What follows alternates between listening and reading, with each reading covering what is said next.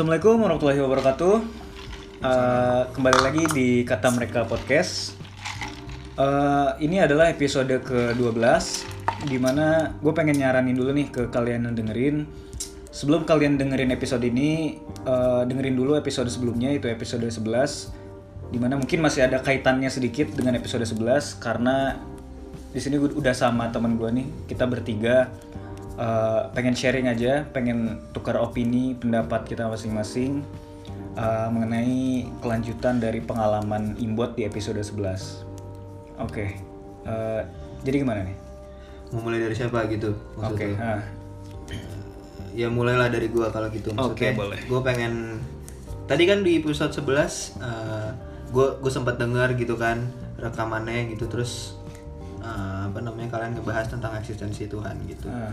maksudnya eh, di dunia ini tuh kan banyak ya orang-orang beragama tidak beragama mungkin sempat gitu terlintas dalam hidupnya eksistensi Tuhan itu seperti apa? Ya dong gitu. Tapi Iya. pernah nggak sih kalian menanyakan eksistensi diri seorang diri sendiri deh gitu eksistensi diri sendiri di dunia? Apa sih gitu? Maksudnya eksistensi di seorang manusia hidup di dunia gitu. Ya kalau misalkan mempertanyakan Tuhan mungkin banyak lah gitu. Mempertanyakan diri sendiri gue yakin lebih banyak lagi gitu. Karena Hmm. dari mempertanyakan diri sendiri orang bisa lari ke mempertanyakan Tuhan. Iya, karena lu itu diciptakan oleh siapa? nah bisa balik ke situ gitu. Cuman kadang orang gitu orang tuh pemikirannya kadang gini diri ya diri Tuhan ya Tuhan gitu. Diri sendiri ya Tuhan sendiri gitu. Nggak buat dikaitkan eksistensi diri ke eksistensi Tuhan itu agak susah Oh, oke oke. paham paham nggak nangkap nggak lu paham gue tapi harus di garis bawain bahwa uh, di, hal ini yang bakal kita bahas eh bakal bakal kita bahas ini bakal menyerempet agama satu itu Iya. yang kedua adalah uh, kita nggak mau nyinggung masalah agama siapa benar agama siapa salah itu yang kedua dan yang ketiga ini perspektif berdasarkan agama kita masing-masing Hmm. dan Ah. opini masing-masing Hmm. Kebetulan karena agama kita juga sama semua kan? Iya. agama agama kita sama tahu semua. dari mana lu? Dari muka-mukanya nih. Dari muka-mukanya agama kita sama semua. Mungkin yang dengerin nih bakal berbeda uh, background agamanya. Jadi pas dengerin nanti jangan diserap secara uh, mentah-mentah. Tetap yakini apa yang kalian yakini. Kita nggak ingin uh, merubah keyakinan kalian. Kita cuma ingin sharing perspektif kita masing-masing terkait bagaimana manusia itu ter- tercipta Betul. Deep talk nih ya. hmm di Tai kucing. Tapi serius, gua dulu eh pas apa ya, let's say SMP ke SMA lah, rentang waktu dari gua SMP kelas 2 sampai SMA kelas 3, kelas 2 eh. Gue tuh dulu sering ngebayangin gitu setiap sebelum gua mau tidur, gua merem. Gue ngebayangin kalau dunia tuh nggak ada, Bro.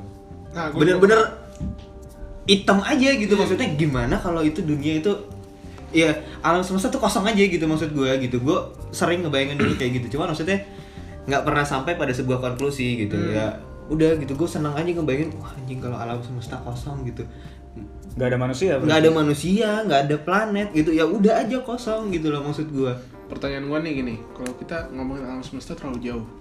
Coba uh, lu inget nggak 5 detik terakhir sebelum lu tidak sadarkan saat tidur nggak ada yang inget dong. Eh, Lima menuju, detik. menuju mimpi gitu.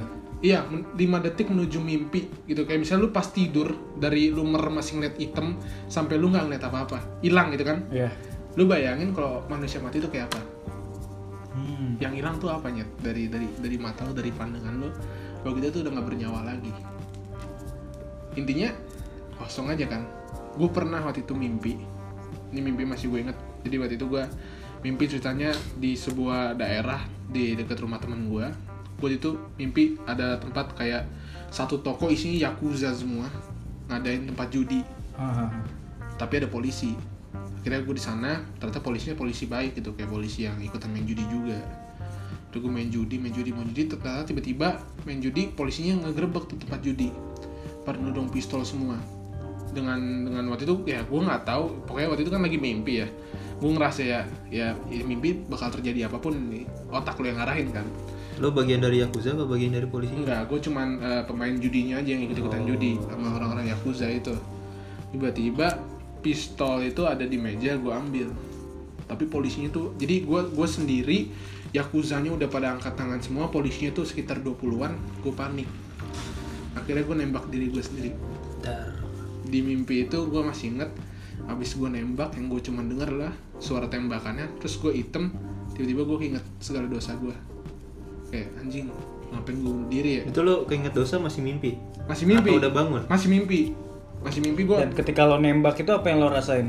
Hitam. Lo ngerasa sakit gitu nggak? enggak item aja mimpi kan kita nggak bisa ngerasain sakit Hmm. Ibarat kayak lo tau lah apa yang lo rasain yang terjadi di peluru nancep gitu di diri lo gitu. Enggak, kita kalau mimpi secara secara teori, secara apa lucid dream atau OBE pun itu dia nggak bakal bisa ngerasain sakit yang namanya mimpi. Jadi kalau lu pengen ngecek lu mimpi atau enggak kalau lagi lucid dream adalah lu ngecek lu cubit diri lu sendiri sakit atau enggak. Makanya kan ada orang suka nampar dirinya sendiri tuh kalau di film-film, Iya. lu mimpi nggak sih?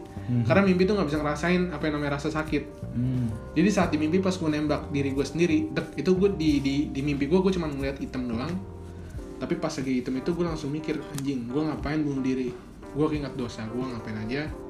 Aduh, gue masih banyak dosa, pahala gue dikit, tapi gue udah mati gitu.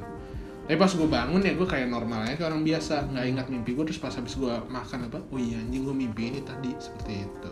Hebat lo ya, tapi bisa ngingat mimpi. Gue seumur umur nginget mimpi tuh susah nih. Karena memang ada beberapa orang yang bisa ngingat mimpi, apalagi kalau memorable mimpinya kan. Makanya mungkin itu juga karena apa gue sering ngalamin lucid dream. Kalau bagi orang yang apa tahu rep-repan yang nggak bisa terap, orang bilang itu ditindih setan kan. Emang bukan ditindih setan, ada penjelasan sainsnya, ada penjelasan medisnya bahwa itu tuh karena otak lu jalan, mata lu lagi muter-muter, lagi namanya R, uh, rapid eye, REM. ah, rapid eye movement, tapi otot lu tuh mati, yang jalan tuh cuma otak lu doang. Jadi kalau misal lu nggak panik, lu nggak ngelawan untuk diri lu bangun, lu bisa ngerasin namanya lucid dream. Ini kayak film Interstellar gitu kan. Nah, Tapi seumur umur yang apa ya? Gue ngerasa mimpi yang pernah gue inget tuh mimpi meninggal cuy. Kayak gue tidur nih, tidur terus kayak gue ngerasa kayak gue tuh terbang di atas gitu anjir. Mungkin lu, lu ngerti gak sih? Gue gue aja nggak ngerti dari mimpi gue ini kayak gue tidur itu kejadiannya udah lama sih kayak gue mimpi kayak gue terbang di atas gue gue liat jasad gue badan itu gue lagi. itu OB. Out of ba- out of- of body experience. iya OBE. gue ngeliat jasad gue di kasur gitu tapi Iya. apa ya yang gue cuma terbang aja tapi gak keluar dari rumah Rumor gitu. rumornya kalau lu keluar kamar, itu dunia jasad lu diperebutin gitu. buset Serius gue, jadi kalau lu keluar dari kamar udah beda dunia ibaratnya gitu. Karena Dan saat- badan lu rentan saat gitu loh. OB Rumornya ya nggak tahu gue. saat OBE itu itu adalah ada kaitannya sama lucid dream tapi sampai sekarang untuk pengalaman itu nggak bisa bukan di atas ya levelnya. Maksud gue di, di di atas lucid dream Iya kan? tapi makanya itu nggak bisa dijelasin secara sains karena di sains itu tidak mengenal yang namanya ruh Mhm. jadi kalau kata orang pakar mimpi kalau misalnya lu mau search di Google apa itu out of body experience itu adalah saat di mana ruh lu itu bukan mimpi. Orang banyak mistake itu sebagai mimpi. Lu ruh itu ruh lu itu beda beda beda dunia. Makanya kenapa kalau orang OB itu kebanyakan yang hidup di di mata lu itu pada ngeliatin lu karena mereka bingung kenapa lu bisa masuk dunianya mereka. Ya, tapi apa ya mungkin gue sebelum tidur tuh ya kayak mungkin gue lupa baca doa kali ya sampai gue tapi itu kejadian cuma sekali seumur hidup gitu kayak dan emang susah sih. ah, sekarang ini gue nggak pernah ngerasain dan itu udah lama gitu Sebenarnya kalau lu ngerasain lu bisa ngejalan eh, ngerasain namanya pengalaman itu paling paling paling paling berharga sih menurut gua karena lu bisa berinteraksi dengan eh, makhluk-makhluk yang beda beda dimensi. Persetan brother, persetan anjing. Tapi di sana lu kalau misalnya TV yang kayak jadi macan gitu itu itu nggak terjadi di sana. Di sana tuh ya mereka kayak hidup biasa, beda dunia aja. How do you know? berdasarkan cerita-cerita orang yang mereka di sana. Memang kelihatannya serem. Kelihatannya tapi ada juga yang mau mau nunjukin itu. Lu mau lihat-lihat tempat kita. Gue tidak terima kasih saudara. Tapi maksudnya gini lo ber, ber- setuju nggak sama pemikiran gue maksudnya gue itu senang dengan konsep manusia gitu. Manusia itu menurut gue konsep yang menarik gitu. Maksudnya lu pelajarin seorang manusia tuh nggak bakal ada habisnya bro. Manusia tuh selalu berevolusi. Jadi ketika lu merasa simpelnya gini lu dekat sama orang gitu terus lu bisa memvalidasi diri lu bahwa ah, anjing gue udah udah kenal dia luar dalam gitu ibaratnya.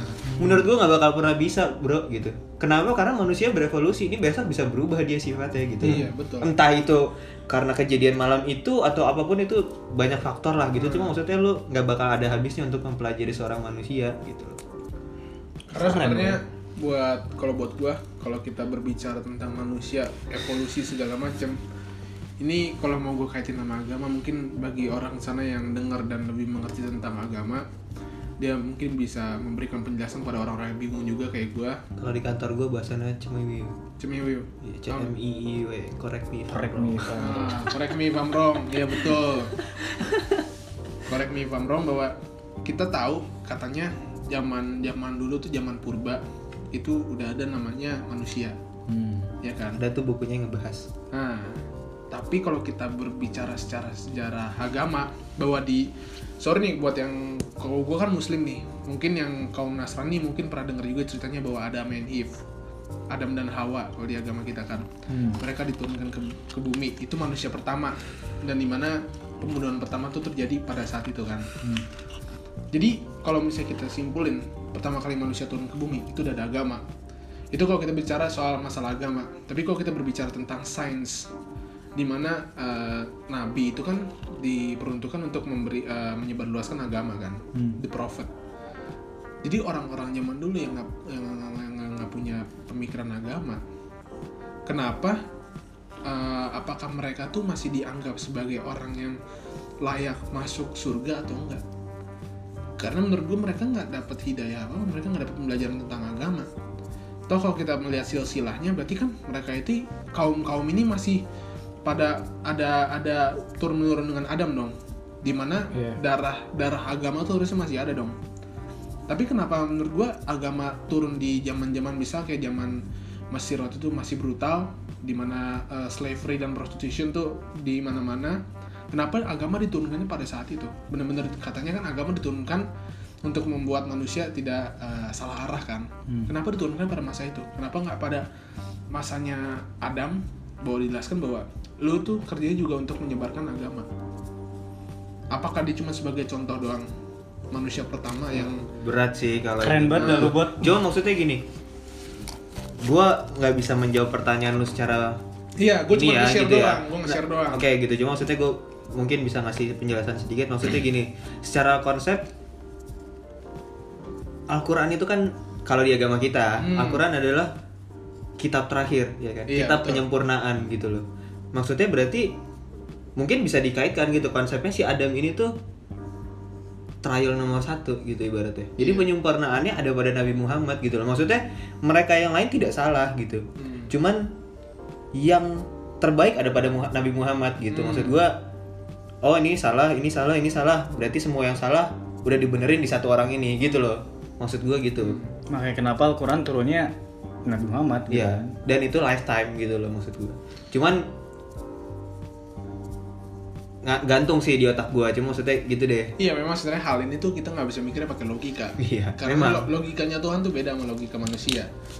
Tapi kalau misalnya mungkin ada orang yang punya jawaban secara eh, beragama ya, yang ilmu agamanya tinggi, mungkin bisa hubungin Hafel mungkin atau di Instagram. Waduh, waduh, kok jadi gua Iya, aja. soalnya, Telepon gua. so- soalnya di sini kan kita juga Ya, kita- pengen tahu ya iya, kebenarannya. kita pengen tahu, kita nggak cuma pengen ngobrol doang. Mungkin buat kalian yang bisa DM uh, Instagramnya kata mereka untuk ngejelasin bahwa sebenarnya tuh uh, begini-begini loh. Karena menurut gua kalau misalnya dari percakapannya Bismo tadi, uh, Adam itu sebagai trial, berarti Ya gue tuh nggak nggak bisa Iya. validasi itu benar ya iya, kalau gue iya. ya. Ini cuma opini kita kan kita Iya. meragukan aja. Kita Iya. bukan meragukan sih, kita mempertanyakan. Dan gue juga meragukan opini gue sebenarnya yang Ah. bagian itu.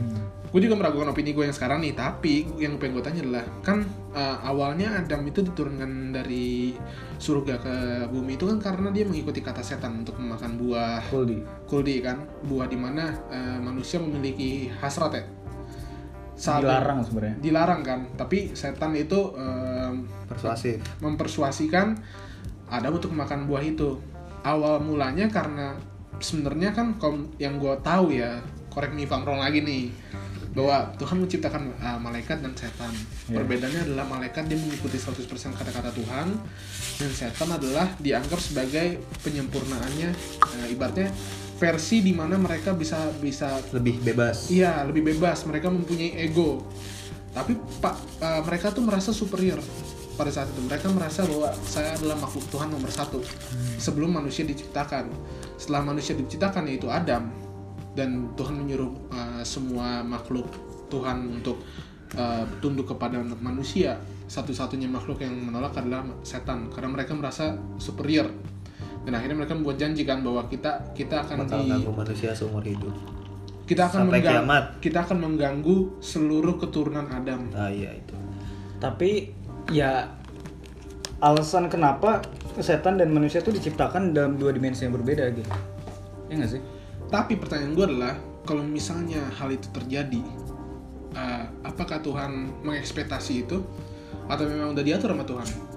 harusnya udah diatur kalau berdasarkan agama ya Nah, kalau misalnya sudah diatur, apakah kejadian itu hanyalah untuk menguji kita saat di bumi nanti, atau memang ada ada planning lagi? kalau gua nangkepnya gini bro maksudnya manusia itu adalah ciptaan yang paling sebebas-bebasnya gitu. Nah, ya betul. setuju nggak? Dari situ dulu setuju nggak? Setuju. ya kan? Hmm. maksudnya manusia yang paling bebas-bebasnya gitu.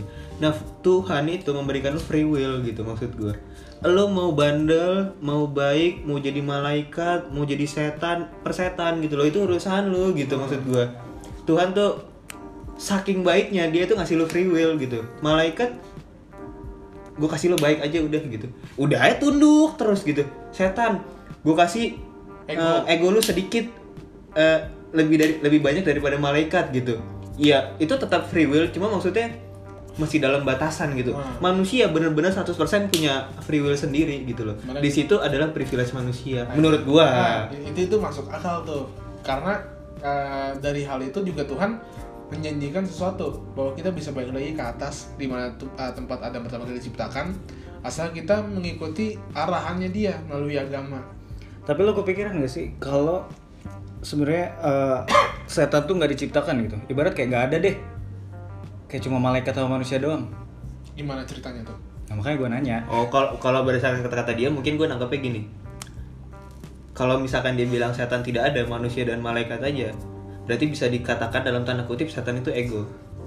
Ego yang ada dalam manusia, ya itu setan ya gitu. Maksudnya lu bisa kalah sama ego lu, ya itu free will lu gitu. Lu bisa jahat jadinya gitu. Kalau lu menang dari ego lu sendiri mungkin lu bisa Tapi menurut Ini gua, gitu. gua nggak setuju sama itu karena memang udah dijelasin di Quran bahwa setan itu di- ada. Ada. Iya, kan? kalau itu iya. Jadi Karena- maksudnya kayak gue nanya aja ibarat kayak kalau misalkan nggak ada deh.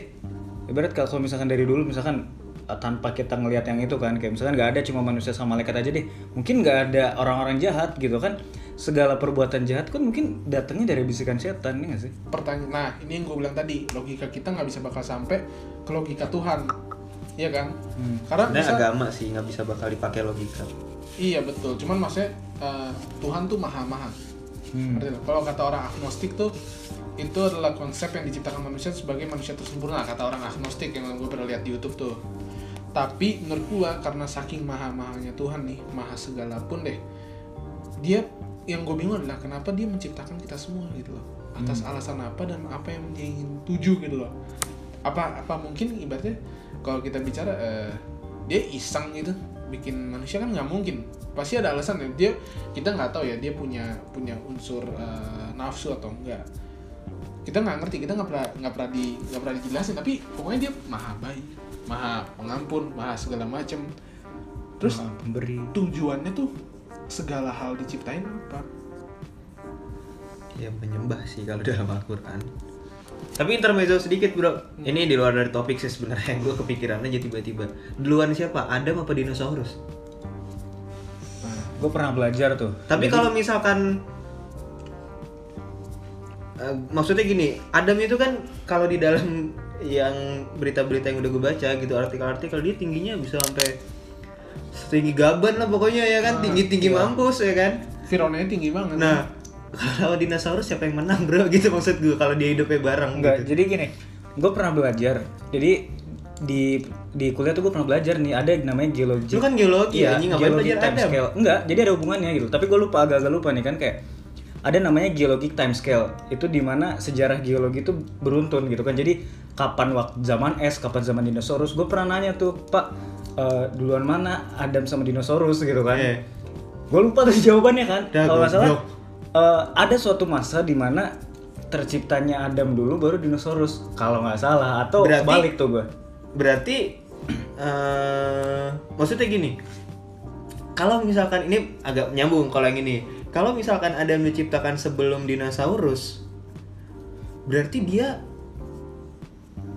mati ya let's say mati gitu ya maksudnya meninggal tanpa memberikan ilmu pada manusia-manusia yang purba gitu loh maksud gua gimana orang purba ini bisa tahu ada ilmu yang diturunkan dari si Adam gitu loh ya nggak sih Ya. Tapi kan ada ada itu kan ada ada fenomena kan uh, meteor jatuh ke bumi yang membunuh semua dinosaurus kan? ya kecuali kecoa dan tikus Oh iya. iya Nah, berarti kan logikanya kalau misalnya itu membunuh segala makhluk hidup yang kecuali kecoa sama tikus ya. Pasti kan zaman itu manusia lebih tinggi daripada kecoa sama tikus dong. oh iya jelas Nah, berarti sa- sekarang juga anjing Oh, iya iya, sekarang pun juga gitu kan. kecil gitu loh. Siapa tahu kan kecoa zaman dulu gede banget kan nggak ada yang tahu Iya, juga iya. kan. mungkin mungkin Karena dia nggak punya tulang, nggak di riset juga kan. Hmm. Jadi pas dia hancur nih bumi, plek, nggak ada yang hidup, manusia datang dari mana lagi? Ya itulah eh, nggak tahu nggak ngerti Ini kita, gua gua seumur umur ya, eh, belum pernah sih denger sejarah yang membahas tentang itu di agama. Gini, lo pernah denger istilah ini nggak? Kayak awal mula manusia tuh dari Tanah kera. Hmm, Oh, teori Darwin kan? Kirain Iya. tanah liat. Tanah liat itu Mas, secara dari kera gitu, ke kera yang nunduk nunduk nunduk Hmm. nunduk. Jadi Itu, itu teori Darwin kan? nah, ya Tapi waktu itu teori Darwin kan eh, dinyatakan di, dinyatakan salah. Gua lupa sama siapa tapi pokoknya ada pembahasannya terkait eh, ada hubungannya tuh tentang DNA kera dan manusia itu berbeda. Hmm. Seharusnya kan evolusi hewan itu bisa bisa kebaca DNA-nya. Kayak misalnya eh, komodo. Hmm. Komodo tuh diakuin sebagai hewan purba. Hmm. Karena di DNA-nya pun masih ada keturun-menurunnya eh, hewan purba. Sama halnya kayak buaya. Sama halnya kayak eh, singa. Singa mah zaman dulu kan ada tuh gambarnya yang taring, taringnya gede banget. Sama kayak macan, sama. Tapi kalau manusia, manusia purba, kalau sama Darwin digambarnya kayak manusia tolol, sama jadi pinter kan? Hmm. Yang gambarnya dari begonya kayak kera, habis itu megang-megang pentungan-pentungan tuh, Hmm. akhirnya jadi sekarang. Tapi DNA-nya tuh, setahu gua DNA-nya nggak nggak ditemukan sama kera dan manusia. Hmm, gitu gitu. ya tapi itu gue nggak paham lagi jawaban Hmm. siapa Tapi- duluan Adam apa dinosaurus Lo pernah lihat nggak? Gue pernah lihat gambar nih ya di Google nih. Ada kera di daerah mana gitu. Dia lagi megang tombak cuy. Mau nombak ikan, nangkep ikan pakai tombak gitu. Oh iya. Iya, lu lihat deh gambar Oh iya. Google. Gue pernah lihat. jadi Jadi kalau kera emang pintar Iya, orang hutan pun emang Nah, salah satu kalau yang gitu pinter. kecerdasan kera sama dong kecerdasan kayak manusia. Bisa. Ibarat dia kalau misalkan kera dia nggak punya akal pikiran nggak mungkin dong megang tombak terus apa nyari ikan tapi kalau lu bilang kayak gitu susah bro. Soalnya kalau kita lihat yang lain gitu kucing pun pintar gitu. Let's say kucingnya imbot deh gini. Dia punya kucing dua Hmm. ya. Satu waktu itu sakit jadi yang satu makannya sendiri gitu. Ketika yang satu udah sembuh makannya berdua lagi dong. Nah, tapi yang satu egois gitu. Jadi kalau yang satu abis sakit nih makan piringnya ditarik gitu. Ah, sendiri eh makannya gitu. Maksudnya itu juga logik gitu loh. Oh dia Akal. pintar anjing bisa narik piring gitu. Jadi susah untuk digeneralisasi bahwa Iya, karena mereka punya akal gitu. Iya. Cara mendekatkan piring ke mereka tuh mereka ngerti. Ya tapi memang beda-beda ukurannya takarannya. Hmm. Ya gitu sih. Ya itu di luar topik lah kalau menurut topik. gua ya. Pusing juga sih kalau ngomongin dinosaurus mah nggak ngerti deh. lebih Tapi nih kalau misalnya kita bicara tentang Pedas evolusi matanya. evolusi mata. evolusi manusia nih. Menurut lu nih, ini ini kok ini jawabannya udah, udah ketemu nih.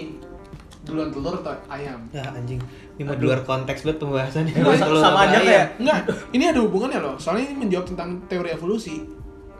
Menurut lu Duluan telur apa ayam? Ya, telur lah. Lu ayam lah ayam kan bertelur. telur dulu. Karena zaman dulu tuh belum ada hewan yang namanya ayam. Oke, telur diciptakan dari Jadi ayam nih masih purba nih zaman dulu ya. Ah. Bentukannya nggak kayak ayam sekarang nih. Hmm. Sampai suatu saat ada ayam, ayam purba yang ngelahirin sebuah telur dan munculnya ayam perfect. Hmm. Tumbuhlah tuh ayam pertama kali di dunia. ayam purba. Ayam beneran sebelum purba, setelah purba. Nah, itu ayam dia kawin sama siapa? Sehingga kan bisa jadi telur nih kan. Otomatis dia punya lawan dong. Incest dia. Incest. tapi kan tapi kan eh, dari dari ayam yang tidak sempurna tumbuh telur dulu. Hmm. Berarti telurnya itu duluan sebelum ayam. Telurnya segede apa tuh? Ya gua nggak tahu. Biji lu. Sensor tit. Udah di luar konteks anjir itu telur ayam lu bahas. Ngapain telur ayam dibahas? Ini gara-gara lo bahas duluan mana nih? Nah. Adam dan dinosaurus. Ya gitu. itu lupakan kan gue bilang intermezzo. Oke oke oke. Gue sampai males balik lagi ke topik awal anjing. Bahas topik awal lagi deh. Eksistensi diri kita nih. Eksistensi berat banget bahasannya ya Allah. eksistensi diri kita dalam bentuk apa nih? Ibarat kamu mungkin ada nggak sih dari pengalaman lo semua kayak nih gue cerita deh. Gue nggak ada hubungannya sih sama agama yang ini. Lebih mempertanyakan apa ya? Bukan mempertanyakan kali ya. Gini deh maksudnya ada tipikal orang yang eh, senang senang senang senang di luar tapi sebenarnya dia Wah, sedih di di rumah gitu iya, loh gua. iya kan itu satu gitu. Tapi ada tipikal orang yang maksudnya gini gue minta persetujuan dulu bahwa sedih itu negatif nggak apa? sedih itu negatif nggak Enggak normal. sedih itu ya hasil dari luapan emosi lo lah. Iya. Eh, Oke, kalau gitu yang lain deh, jangan sedih kalau gitu. Rasa ingin sendiri, rasa sedih, depresi, anxious, anxiety itu negatif nggak? Insecure. Iya. Kalau menurut gua kalau udah berbicara tentang anxiety dan segala macam, ya gua bukan orang psikologi ya. Hmm, ini terserah aja, Iya, terserah gue. opini. Tapi menurut gue itu problem anxiety. Anxiety orang semua semua orang punya anxiety. Tapi kalau anxiety-nya berlebihan itu udah penyakit. Hmm, Oke, setuju gua abis itu. Menurut lo berarti anxiety yang sewajarnya itu kayak gimana nih? Misal nih, lu nggak pernah nyetir motor, disuruh langsung bawa motor ke jalan raya. Nah, itu aja. Itu anxiety itu. Hmm. Lu, aduh, gue tabrakan nggak ya? Nah itu anxiety. Tapi kalau misalnya udah tiba-tiba ke mall, tiba-tiba lu mikir, aduh gue mau dipukul dari mana nih? Aduh gue, kok orang tuh ngeliatin gue terus ya? Itu orang kayaknya ngetawain gue ya? Itu anxiety problem. Udah parah ya? Udah parah itu itu ya gue nggak tahu skala parahnya atau nggak sih. Tapi itu udah udah udah nggak normal. Soalnya gini, maksud gue yang tipe kedua adalah orang yang merasa adiktif. Dengan apa? Dengan rasa sedih gitu. Hmm. dengan rasa anxious, ang- ah, ngomong apa gue ya Anxious. gue belibet iya iya gitu dengan rasa depresi gitu maksudnya karena dia sudah terbiasa dia merasa bahwa it's part of me gitu loh Hmm. Iya kan gue Nah, gue paham maksud sih. gua- Mungkin ini ngomongin diri lu sendiri kali ya. Bisa dibilang. nok aja lu kalau ngomong enggak lah Karena kan lu fotografi suka ya enggak enggak enggak enggak lu ngebahas Apa hubungannya gua. sama fotografi gitu? kan dia suka sadness gitu kan membawa hal yang sadness. iya tapi fotografi bagus Terus terus? Ya, tadi kalau misalnya anxiety gimana coba lanjutin tuh? ya maksud gua eh, ada tipikal orang yang merasa ya udah gitu it's part of me jadinya gitu merasa untuk disingkirkan itu Tapi ada ya udah gitu. ntar aja lah gitu Ada orang kayak gitu beneran ada. Lu pernah lu pernah tahu dan pernah lihat? iya Wah, gua gua ya menurut opini gua aja ya. Itu sih problem sih, problemnya problem. Ya, kalau misalnya eh, masalah kayak gitu harusnya dibawa ke tergantung sih. Ada orang yang larinya ke psikolog, ada orang yang larinya ke agama. Hmm. Karena kan menurut gua saat lu udah merasa seperti itu, menurut gua as long as you are happy, ya nggak apa-apa. Tapi karena kita ngomonginnya sadness, kalau orang udah seneng dengan rasa sedih, itu nggak normal. Ibaratnya kayak bisa dianalogikan seperti kayak lu doyan doyan ah, lu sange tapi sama mayat gitu loh. Kenapa harus sange sama mayat gitu? Iya itu yang ter, ter- pop up di kepalanya itu. Ada orang yang sange sama mayat tapi nggak normal kan? Iya. Nah, seperti itulah. Tapi menurut gua sedih itu wajar loh. Tapi gimana kita bisa ngatur kadar sedih kita gitu kayak Kalau pertanyaan dia kan tapi orang yang senang dengan kesedihan kan, dia senang pengen sedih terus kan. Enggak, maksudnya bukan senang pengen sedih gitu, pengen happy gitu. Nah, tapi Cuman pembawaan dirinya itu kayak udahlah gue nggak usah happy. itu wajar gitu menurut gua buat kayak- Karena gue gini, gue orang yang pernah kerja di media gitu ya. Gue pernah ketemu orang bilang gini, dia itu dia memvalidasi mem- validasi. memvalidasi dirinya sendiri bahwa dia adalah pengidap depression gitu atau anxiety ya lupa gue Hmm. pokoknya dia dia cara pikir dia tuh begini ya. Dia bilang gua kalau nonton TV yang lelucon gak mau dia ketawa. Karena dia mikir setelah gua ketawa pasti datang kesedihan gitu. Jadi gua bak nggak bakal pernah mau ketawa. Karena pasti setelah ketawa setelah bahagia pasti ada rasa sedih bro datang gitu. Anjing. makanya gua selalu nggak mau ketawa. Dia bilang sendiri sama gua gua face to face ngobrol sama dia. Anjir. Wah, itu sih uh, tapi dia udah overcome overcome. udah overcome itu. Cuma maksudnya dulu dia seperti itu. Segitunya dia sampai nggak mau happy karena dia tahu sedih itu pasti datang. Menunggu Ketawa waiting sekarang? in the corner. Ya ketawa. Nah, overcome-nya ini gimana? Dengan cara apa tuh? wah itu gue lupa brother. Gue lupa itu. Berarti kalau misalnya dia bilang overcome, berarti itu udah sesuatu mungkin kalau menurut gue accept herself gitu.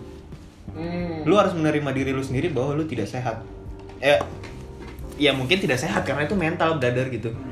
Mental pun bisa sakit gitu cuma maksudnya cara pertama adalah lu ya menerima lah gitu ya mungkin ya nggak tahu sih Oh ya, gue iya itu tuh sama kayak eh, Uus, Ah. Uus komedian. Tahu tahu. Gue tadi kan nonton tuh interviewnya dia sama Froyo. Froyo oh iya kan, hmm, tahu gue taruh dia ngomong tentang masalah Uus tuh seperti apa. Awalnya dia dia nggak mau kayak gitu, tapi akhirnya dia dia, nunjukin ke orang bahwa gue tuh seperti ini dan gue accept seperti ini. Terserah lu mau gimana. Intinya intinya begitu. Berarti kan kalau misalnya menurut gue kayak gitu hal yang normal aja sih. Bahwa setiap orang memiliki kekurangannya masing-masing. Ada yang mungkin buta sebelah, ada mungkin yang uh, kekurangannya dalam hal mental, ada yang kekurangan dalam hal agama, ada yang kekurangan dalam secara fisik, pekerjaan apa segala macam. Normal aja sih menurut gua nggak ada nggak ada masalah dan asal kita tidak membedakan orang seperti itu setuju Tapi menurut gue wajar sih sedih seiring berjalannya waktu juga kan lo bakal yang ngerti lah. Ya sedih sih emang wajar sih tapi kalau sedihnya berlebihan tuh menurut gua kapan dia happy Ibarat kayak apa ya orang sedih tuh ya sering-sering lah lo ajak main gitu.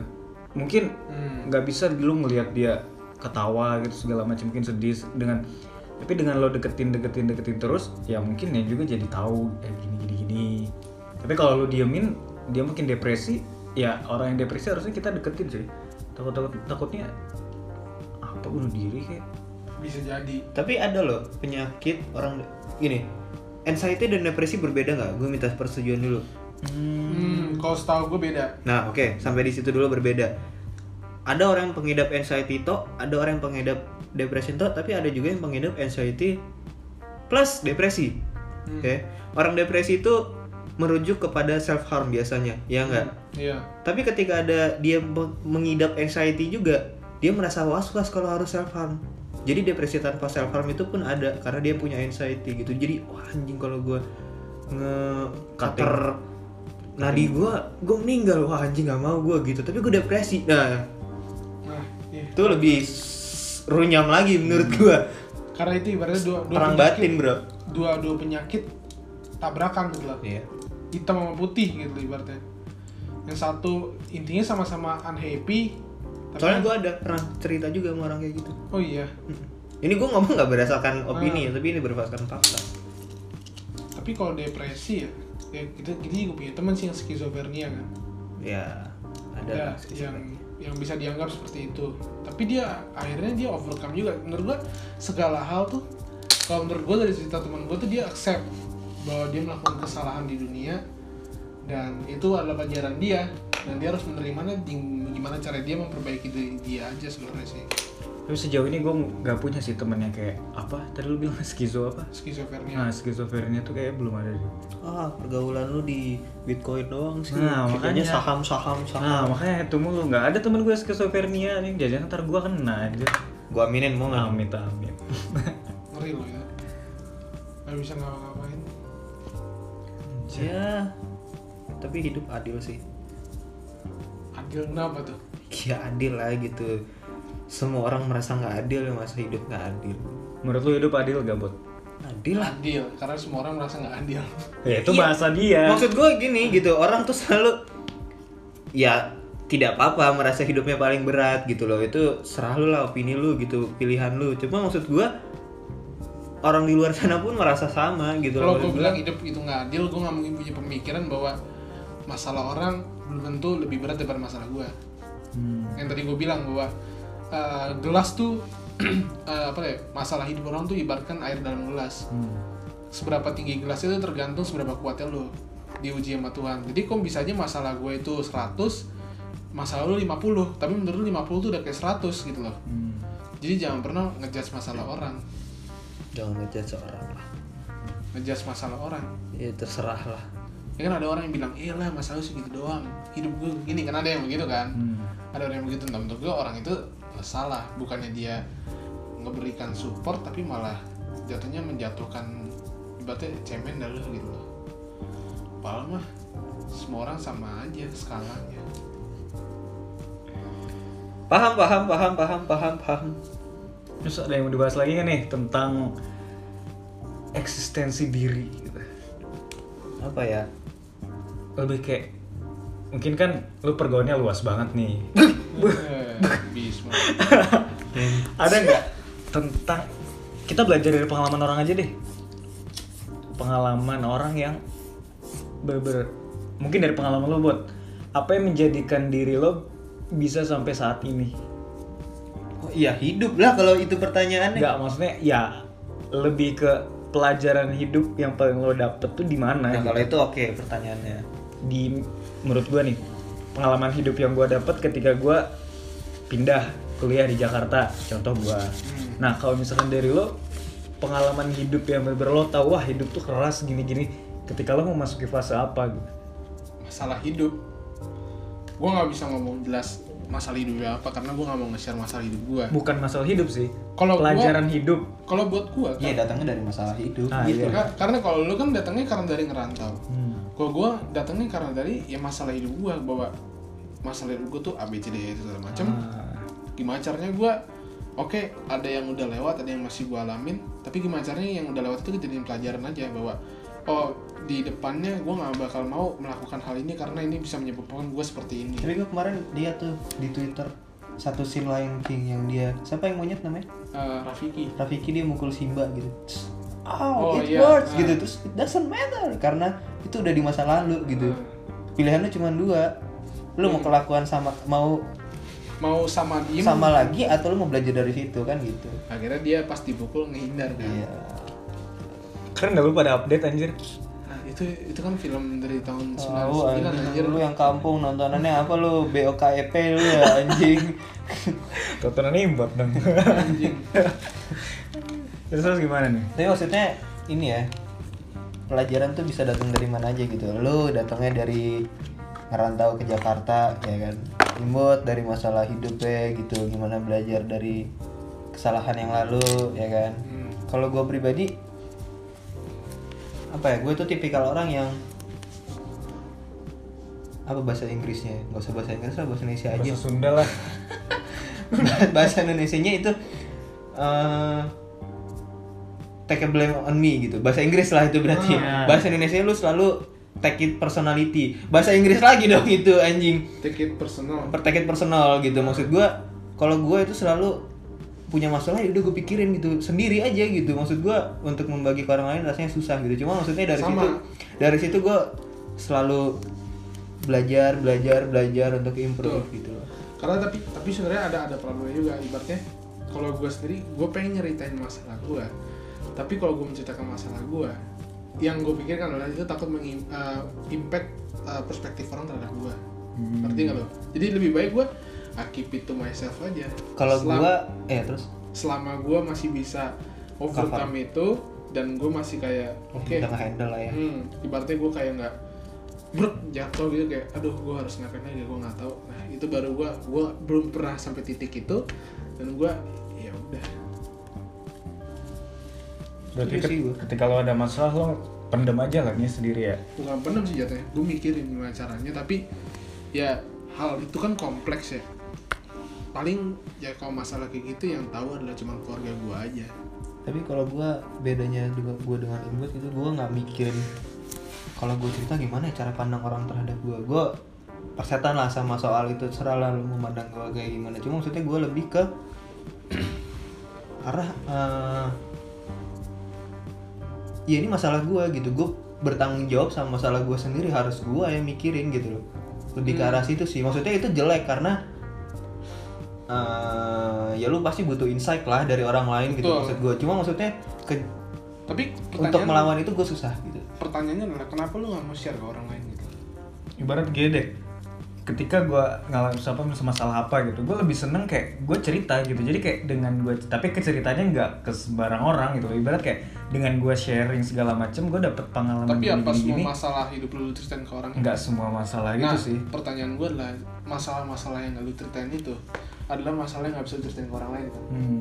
pertanyaan gue kalau misalnya masalah-masalah itu lu ceritain ke orang lain itu bakal ngimpact perspektif orang terhadap lu atau enggak tapi menurut gue gue sih per- persetan ya kalau itu nggak peduli itu sih. masalah sekian yang gue pengen itu gue dapet apa yang harus gue lakuin berdasarkan dari pengalaman orang gitu. Jadi kayak ya gue aplikasiin pengalaman orang tuh di hidup gue gitu. Gimana cara gue ngehandle ini cara ini ini ini ini. Jadi kayak omongan kayak orang anjir orang berpikiran kayak gini ke gue kayak mungkin itu masalah nomor dua gitu yang penting kayak gue kayak dengan cerita tuh kayak pelong gitu loh.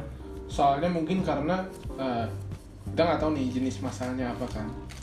Bisa aja masalah itu adalah eh, ya menurut gua kalau misalnya masalahnya hal yang masih bisa diceritain ke orang yang pasti gue ceritain ke orang. Cuman ada ada beberapa masalah yang nggak mungkin gue ceritain ke orang. Gue bisa ceritain gue mau ceritain ini hal ini ke orang. Dalam kondisi bahwa itu orang nggak kenal gue dan gue nggak kenal dia. Ya iyalah lu kan baru kenal dari Tinder lu cerita gitu. Nah. Nggak justru itu kayak gitu bagus. Tapi karena- ada bro yang kayak gitu temen gue ada yang kayak gue gitu. pernah kayak gitu sama sama cewek juga. Tapi ternyata hidupnya dia pas gue gue ceritain hidup gue kayak anjing hidup dia lebih ngaco lagi gitu loh kayak nah makanya itu tuh gue pernah berpikir jangan terlalu menganggap cobaan hidup lu tuh lebih berat dari cobaan orang hidup orang lain karena gue pernah ketemu gue nggak mau nyeritain soalnya gue udah pernah janji gitu sama dia nggak bakal pernah nyeritain masalah itu tapi intinya adalah Gue tahu. Hah? Gue tahu. yang mana emang Pernah cerita sama gue. oh iya tuh berarti lu gue bisa batas statement lo dong buat tapi gue tapi dia nggak tahu ceweknya Tapi nggak detail. Ah, oh iya. Intinya gue gak nyeritain hal itu nanti pokoknya dia berbau tentang suicidal. Hmm. Dia udah udah sampai titik di mana dia ingin mencoba suicide. Tapi tapi gini. Sorry gue intermezzo Hmm. sedikit ya. Suicidal. Nggak. Pemikiran mati itu termasuk suicidal nggak? Pemikiran bunuh diri itu suicidal. Iya, Suicide kan maksud- bunuh diri. Iya paham gue maksud gue adalah lu ngebayangin kayak wah kalau gue di jalan tiba-tiba ditikam atau gue jalan tiba-tiba apa kek gitu maksud gue itu termasuk suicidal thoughts nggak? Nggak harus self harm ngekating diri sendiri gitu enggak gitu. Tapi gue pernah ngeba Astagfirullahaladzim. nggak jadi deh terus deh. Tapi kalau menurut gue hal-hal terus hal deh terus deh lanjut hal- deh. hal- lupakan lupakan. Nggak menurut gue nih menurut gue kalau kita pernah berpikir eh duh gue bunuh diri aja kali atau gue mati aja itu hal yang normal masih. Kenapa normal? Karena semua orang pasti akan merasakan titik di mana dia nggak nggak nggak kuat dengan masalahnya dia yang dong. pra enggak tar lu yang yang yang jadi masalah adalah saat lu telah memikirkan hal itu dan lu memplanning. Kalau nggak jadi deh gue ngomong capek ntar keluar mulu kata-kata gue Nah. misalnya gini nih misal misal misal. Lu udah lu udah nggak capek kayak gue anjing gue nggak kuat deh gue pengen bunuh diri aja gitu. Duh kalau gue mati kayaknya enak kali gitu. Misalnya mikir gitu itu masih normal. Yang nggak normal adalah saat lu udah ibaratnya anjing gue mau mati terus lu megang pisau terus lu mikir gue bacok nadi gue kali gitu ibaratnya. Nah itu itu itu udah suicidal thoughts. Itu udah di mana lu memikirkan bahwa lu udah nggak planning lu udah udah udah ada inisi ini initiation bahwa nih gue tuh kalau misalnya gue satu step lagi yang gue nggak kuat gue bisa mati gitu loh. Itu udah udah udah parah menurut gue soalnya gue pernah ketemu orang kayak gitu dan pas gue bilang lu tuh depresi gitu. Lu tuh harus ketemu orang yang dalam bidangnya ke psikiater dan jawabannya cuma satu gue nggak mau gue nggak ngerasa sakit gue ngerasa normal dia bilang gitu.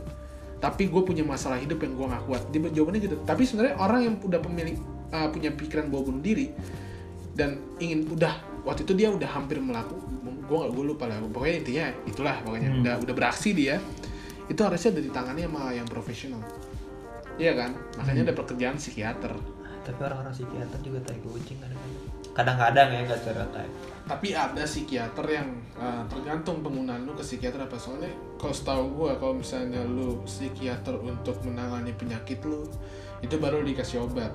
Itu psikolog itu ke psikiater. Psikolog tuh cuma teman cerita. Eh antara itu lah bolak-balik lupa gue sama si- psikiater itu kan psikiater oh, tuh ada yang parah. beda bro. Ada yang beda. Lu kalau Iya. ke psikiater tuh antar psikiater apa psikolog gitu. Pokoknya salah satunya itu ada yang cuma teman cerita satu ada yang obat nggak dua-duanya obat enggak psikolog teman cerita jadi kalau misalkan lu datang ke psikolog minta obat lu diarahkan psikiater gitu Oh iya betul karena dia udah punya spesialis Iya. dalam hal itu. Oh Uh-uh. iya.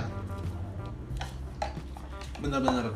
tapi dari apa ya yang statement lu awal bilang kayak uh, Allah tuh nggak pernah nurunin masalah lebih dari Ah. kemampuan tapi kenapa yang dari kasus itu ya kayak kenapa dia bisa sampai kepikiran kenapa banyak kayak- orang yang merasa tidak kuat dengan cobaan iya padahal kan Allah tuh ngasihnya tuh kan sebatas kemampuan kita nggak Ya, pertanyaan itu. sekarang gini. Yang lebih mengenal lu itu diri lu sendiri apa yang menciptakan lu gitu. Lu belum tahu kapabilitas lu berarti karena ya justru itu gini. Contohnya gini. "Eh, Hafel kamu kerjakan ya soal matematika ini saya kasih 10 gitu. Tapi lu belum pernah belajar gitu.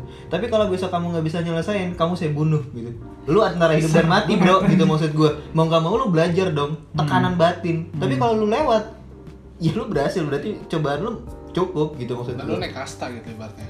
Makanya itu kan gue bilang eh, pencobaan bunuh diri itu bukan sebuah eh, takdir. Ujian. bukan sebuah takdir. Hmm. tapi adalah pilihan orang yang bunuh diri adalah karena dia ingin ja- jalur cepat aja menghilangkan problemnya Pain. dia itu makanya kan Tuhan ngasih yang gue bilang Tuhan ngasih lu masalah dia tahu skala lu nih dan di di cobaan dia mungkin di cobaan titik teratas adalah pilihannya adalah lu mau Diri. mencoba overcome itu atau lu memilih bunuh diri ya balik lagi. Kalau lu bunuh diri ya jalur undangan ke neraka anjing. iya betul karena bunuh diri itu hina ya Harakiri lo kok ketawa? Tahu gue tuh. arah kiri kan tradisi Jepang kan? Tapi terakhir bro. Kalau dari gue topik terakhir. Lah Terakhir nih. hmm, terakhir. Takutnya kepanjang kepanjang terus ngalir ke mana-mana gitu kan. ini udah ngalir ke mana-mana nih sebenarnya. Iya, topik terakhir lah gue dari gue Iya dari gue topik terakhir. Ah, terus apa tuh? Apa? Overthinking tuh sampah nggak menurut lu? Enggak, semua orang mengalami Enggak. Soalnya Buat gue tuh sampah sih. Kenapa? Kenapa? Karena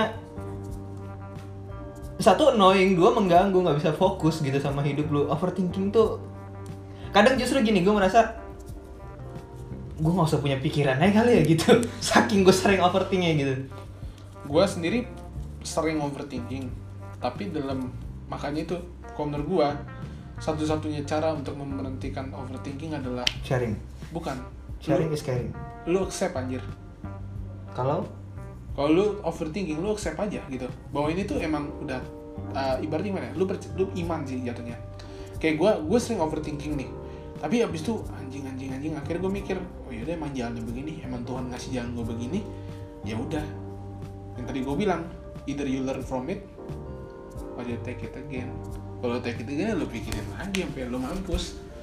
Cuman kalau misalnya udah pada satu titik lu merasa kalau gue sih udah sampai udah sampai mikirnya kayak misalnya gitu ya udahlah emang jalan Tuhan gue jalanin aja. Selesai lu nggak mikir tuh. Ya sebenarnya harusnya gitu sih. Iya kan? Cuman kadang Tapi susah. Gua sih agak susah ya buat gua untuk overcome overthinking tuh agak susah gitu. karena mungkin yang tadi gue bilang gue udah menemukan jawaban bahwa Tuhan tuh benar-benar ada. Gue benar-benar kayak dikasih. Ada nih Tuhan gitu. Good for you lah. Lu mau percaya atau enggak gitu aja Iya makanya kenapa kita belajar dari pengalaman Ah. lu nih kan. Jadi ya sedikit ada masukan dikit lah buat gua dan lu dan yang ngedengerin ke depannya tuh gimana. kan satu-satunya cara kayak misalnya kalau gue sering tuh walaupun nggak logis ya gue kadang bisa bingung sama satu hal gue sebelum, sebelum tidur tuh gue kebanyakan mikir gue bilang aja ya Tuhan tolonglah berikan gue jawaban dari mimpi Dan Coba. itu dikasih. coba aja teks gitu Gue enggak, gue pernah ngetes satu sih kayak gue besok misalkan kelas pagi nih, gue minta ya Allah tolong, padahal gue tidur malam kan, ya Allah tolong bangunin aku jam 7 misalkan, itu dibangunin cuy, iya kayak emang kayak bangun tiba-tiba gitu kan? Iya kayak alarm aja malah keduluan gue bangun gitu, Hmm. itu yang bener-bener kayak bener-bener wah anjir, bener-bener kayak mending selama lu mau tidur, ya lu minta banguninnya ke Allah aja gitu, minta alarm gitu. Dia sih ikhtiar kan. Apa yang lo lakuin balikin aja kepada Tuhan. Seperti itu yang kalian mau- kalian keren. Disampaikan lagi mungkin? HD mana mah anjing. atau cukup sekian nih gue sih udah kita. cukup sih udah melebar ke mana-mana ya iya Enggak sih, enggak bakal pernah cukup sih kalau ngomongin eksistensi diri. ya kan udah cukup satu episode ya ya ini sih Ya, cukup tapi buat dengar lah. kupingnya mereka aja pasti udah, udah panas 50 menit nih nih kayak Gue juga ngantuk, brother.